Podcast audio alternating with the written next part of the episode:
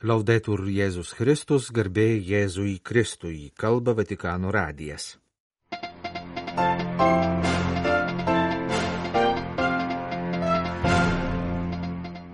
Antisemitizmas yra nuodėmė, rašo popiežius laiške Izraelio žydams, reikšdamas jiems solidarumą dabartiniu sunkiu metu, prasidėjusiu teroristų išpoliai spalio 7 dieną. Popiežius pasveikino šiemetinės brolybės premijos laureatus ir Islamo tyrimų platformos surenktos konferencijos dalyvius. Pirmasis nuncijus atvyko į Vietnamo sostinę. Mūsų laidos antroje dalyje kalbėsime apie 18 amžiaus Argentinoje gyvenusią seserį vienuolę, kurią sekmadienį vasario 11-ąją popiežius Pranciškus paskelbs šventąją.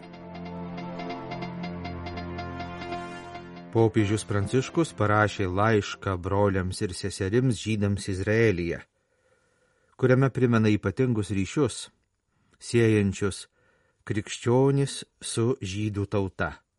Reiškia savo ir visų katalikų solidarumą su pastaruoju metu skaudžius išmėginimus patiriančiais žmonėmis.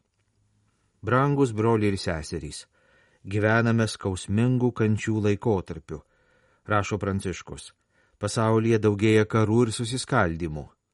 Deja, šis skausmas neaplenkia ir šventosios žemės, kuri nuo spalio 7 dienos yra įtraukta į neregėto masto smurto ratą. Mano širdį drasko tai, kas vyksta šventojoje žemėje. Popiežius paminė ir kai kur pasaulyje šio karo sukeltas susiskaldimo nuotaikas, kurios kartais pasireiškia antisemitizmu ir antijudaizmu. Galiu tik pakartoti tai, ką jau mano pirmtakai nekarta aiškiai pareiškė. Mūsų su jumis siejantis ryšys yra ypatingas ir išskirtinis. Primena Pranciškus pridurdamas, kad ypatingas ryšys su žydų tauta neprieštarauja bažnyčios santykiams su kitais ir įsipareigojimo jiems. Dėl ryšio, kuris mus sieja su jumis, senosios sandoros tauta, bažnyčia atmeta visas antijudaizmo ir antisemitizmo formas – griežtai smergdama neapykantos žydams ir judaizmui apraiškas kaip nuodėme prieš Dievą. Mes, katalikai, kartu su jumis esame labai susirūpinę dėl padažnėjusių išpolių prieš žydus pasaulyje. Popiežius sako, jog jis tikėjo, kad po holokausto žmonijos paskelbtas įsipareigojimas neleisti jam niekada daugiau pasikartoti, bus su įsitikinimu perduodamas iš kartos į kartą.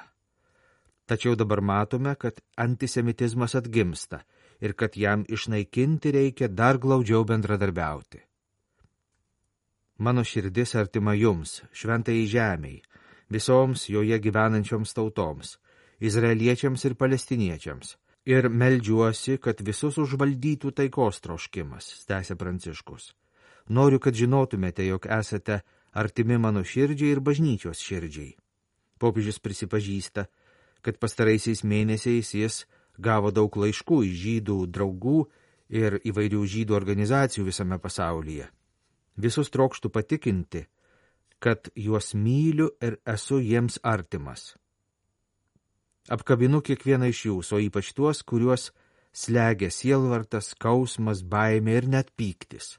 Tokios tragedijos, kurie vyko pastaraisiais mėnesiais akivaizdoje, sunku surasti tinkamus žodžius. Visi kartu gedime dėl žuvusiųjų, sužeistųjų, išsigandusiųjų ir meldžiame Dievą Tėvą, kad padarytų galą karui bei neapykantai. Ypač atsimename įkaitus, džiaugiamės dėl tų, kurie jau grįžo namo ir meldžiamės, kad visi kiti kuo greičiau atgautų laisvę.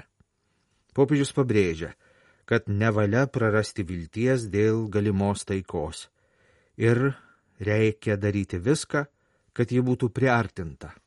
Negalima sustoti susidūrus su nesėkmėmis, reikia atmesti nepasitikėjimą ir žvelgti į Dievą, vienintelį tikros vilties šaltinį. Nekarta buvome priartėję prie taikos lenkščio, tačiau nelabasis, pasitelkęs įvairias priemonės, sugebėdavo ją užblokuoti. Štai kodėl mums reikia Dievo pagalbos. Popiežius rašo, kad nutraukti neapykantos ir smurto spiralę įmanoma tik vienu žodžiu žodžiu brolis. Tačiau, kad galėtume ištarti šį žodį, turime pakelti akis į dangų ir atpažinti save kaip vieno tėvo vaikus. Mes, žydai ir katalikai, esame būtent tokio požiūrio liudytojai. Privalome tai daryti pirmiausiai šventojoje žemėje, kartu siekti taikos ir teisingumo, dėti visas pastangas, kad sukurtume santykius galinčius atverti naujus šviesos horizontus visiems - izraeliečiams ir palestiniečiams.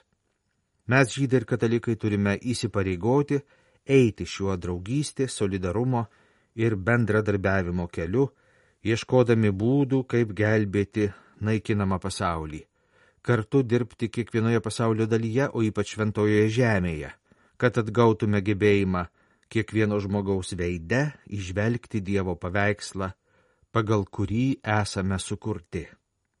Broliškai jūs apkabinu, baigė laišką popiežius Pranciškus kito nepažinimas, klausimosi ir intelektualinio lankstumo stoka yra trys brolybę naikinantys žmogaus dvasios trūkumai, pažymi popiežius. Pranciškus žinioje sveikino platformos Pluriel kongreso Abu Dabyje dalyvius, universitetinė Islamo tyrimų platforma Pluriel savo ketvirtąjį tarptautinį kongresą vasario 4-7 dienomis skyrė dokumento apie žmonių brolybę penktųjų metinių sukakčiai. Taip pat popiežius sveikinimo žinioje prisiminė šio dokumento, kurį jis pasirašė su Akmado Altajebu didžiojo Alazaro įmamu sukakti. Popiežius pasidžiaugė, akademiniam platformos Pluriel susitikimui parinkta tema dokumento apie žmonių brolybę poveikis ir perspektyvos dabartiniu metu, pažymėjo Pranciškus, kai neteisybės ir karai, kurie visuomet yra žmonijos pralaimėjimai, vėl neigia brolybę ir sugyvenimą.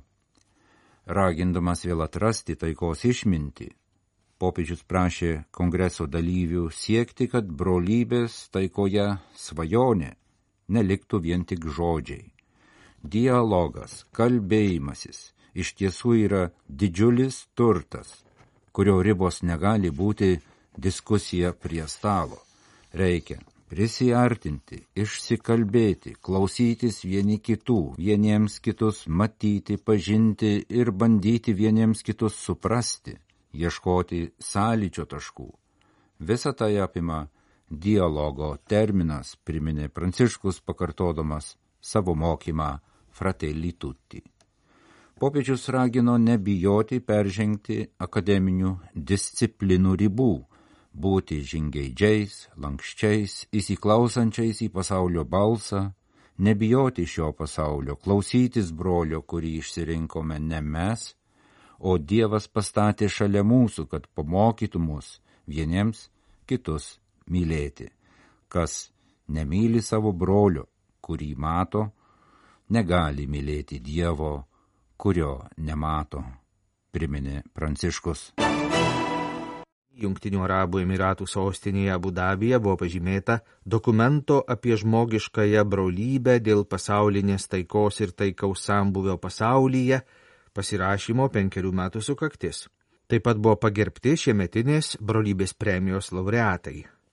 Dokumentą apie žmogiškąją brolybę dėl pasaulinės taikos ir taikaus sambėjo pasaulyje 2019 m. vasario 4 d. Abu Dabyje įvykusio tarp religinio susitikimo metu pasirašė popiežius Pranciškus ir Kairo Al-Azharo Islamo universiteto didysis imamas Ahmadas Altajebas.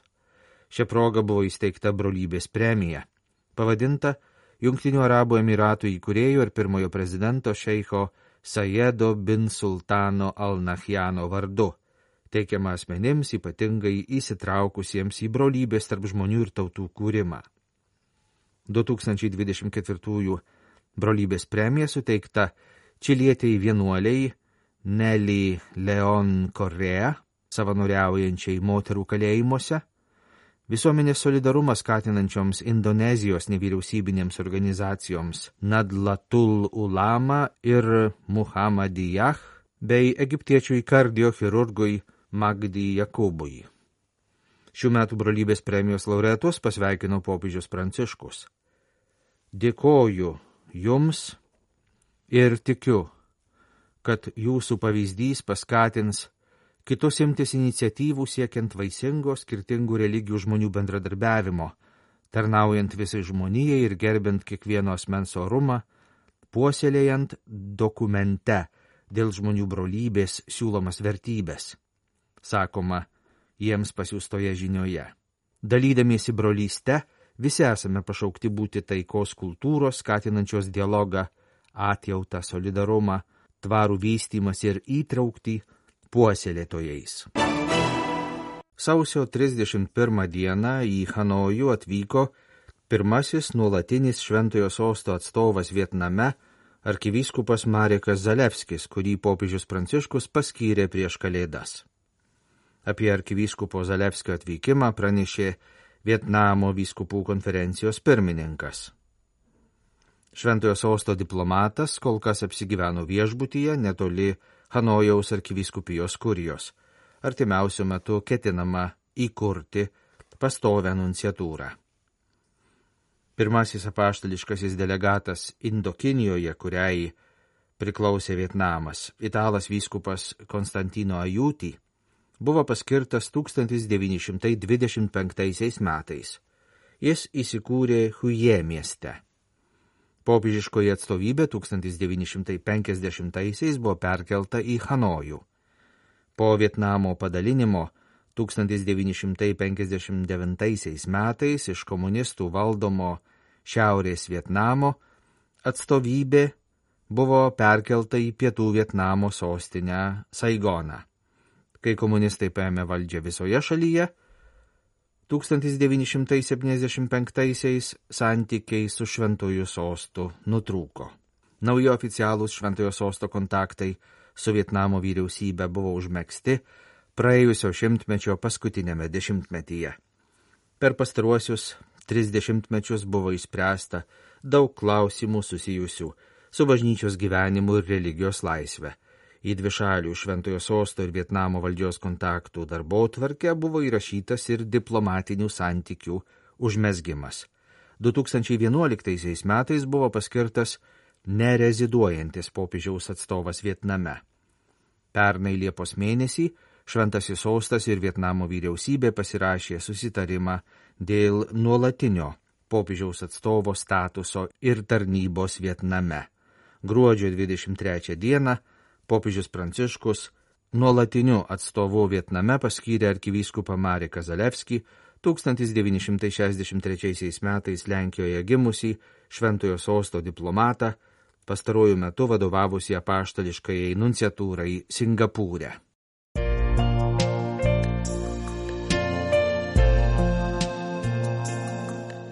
Jūs klausotės Vatikano radio. Tęsėme žinių laidą lietuvių kalba. Vasario 11 dieną popiežius vadovaus argentinietės, vienuolės, palaimintosios Juozapo Marijos Antanės kanonizavimo apeigoms. Jos įvyks Šventojo Petro bazilikoje bažnyčiai ypatingą dieną Liurdo švenčiausiosios mergelės Marijos pirmojo apsireiškimo metinių dieną, kuris šiemet sutampa su šeštuoju eiliniu sekmadieniu.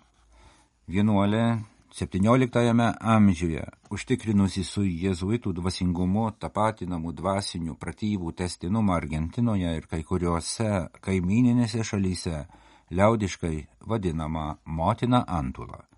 Moteris garsino jėzuitiškas rekolekcijas, kurias laikė brangių turtų visų socialinių lygių žmonėms, jį tai darė nepalankių metų.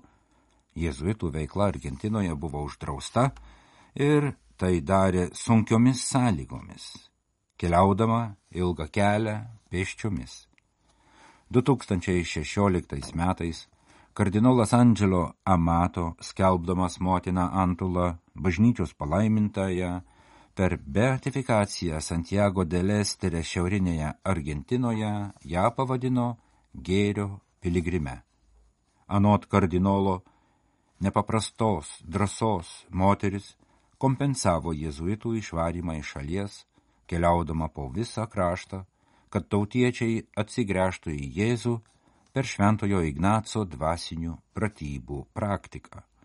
Anot šventųjų skelbimo dikasterijos motina Antula per aštuonerius metus gebėjo pasiūlyti dvasinės pratybas daugiau kaip 70 tūkstančių žmonių ir tai darė pasikliaudama vien Dievo apvaizdą. Marija Antanė de Pas į Figueroa gimė 1730 metais Silipikoje, Santiago del Estero provincijoje pasiturinčių katalikų šeimoje, kuri jai užtikrino solidų religinį ir kultūrinį ugdymą. Dar būdama jauna susidūrė su ignaciškojų dvasingumu ir jam pašventė gyvenimą. Pradžioje pasirinkdama bendruomeninį gyvenimą su kitomis pašvestomis moterimis, atiduodama vaikų švietimui, ligonių slaugai ir vargšų globai. Kuomet Karolis III 1767 metais ištrimė jezuitus iš Ispanijos valdų, Marija Antanė subrandino mintį tęsti jėzuitų dvasinių pratybų paštalavimą, iš pradžių nelabai sėkmingai, tam nepritarė jos bendruomenės moterys ir kai kurie lankomų vietovių dvasininkai. Šventosios metodas buvo labai paprastas. Atvykusi į kaimą ar miestą, nedelsiant prisistatydavo institucijoms, kad gautų atitinkamus leidimus. Pratybų kursas tęsdavosi dešimt dienų. Dalyviai buvo visų socialinių sluoksnių žmonės. Atvykusi į Buenos Aires prašė leidimo, bet praėjo metai, kol gavo, nes tiek valstybės, tiek bažnyčios pareigūnai vengė viso, kas susiję su Jėzaus draugija. Tačiau 1780 metų kursų pasisiekimas Buenos Airese buvo triuškinantis. Vyskupas pakeitė nusistatymą motinos Antulos atžvilgių. Ilgainiui susiformavo dviejų šimtų asmenų grupės. Per ketverius metus penkiolika tūkstančių žmonių dalyvavo pratybose. Šventosios iniciatyva Argentinos sostinėje buvo pastatyti tebeveikiantys rekolekcijų namai. Pratybų dvasiniai vaisiai buvo įvairūs. Daugeliu atveju Jie paskatino dalyvių įpročių permainas, gilų vidinio gyvenimo pasikeitimą, įdų šalinimą, nusidėjėlių atsivertimą, atsisakymą pasaulietinių tuštybių, skatino kunigų ir pašvestųjų tiek vyrų, tiek moterų tobulėjimą. Garsas apie organizuojamas dvasinės pratybas pasiekė Prancūziją, o motinos Antolos dvasinių minčių vadovas išverstas į kitas kalbas. 1799 metais motina Antula mirė eidama 70-uosius metus, palaidota kukliai kapinėse prie Buenos Airių sopulingosios Dievo motinos bažnyčios, vėliau jos žemiškiai palaikai buvo perkelti į šios šventovės vidų, kur yra nuolat piligrimų lankomi.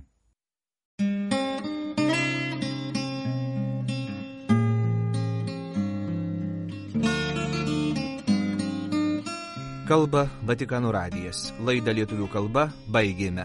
Garbėjai Jėzui Kristui, laudetur Jėzus Kristus.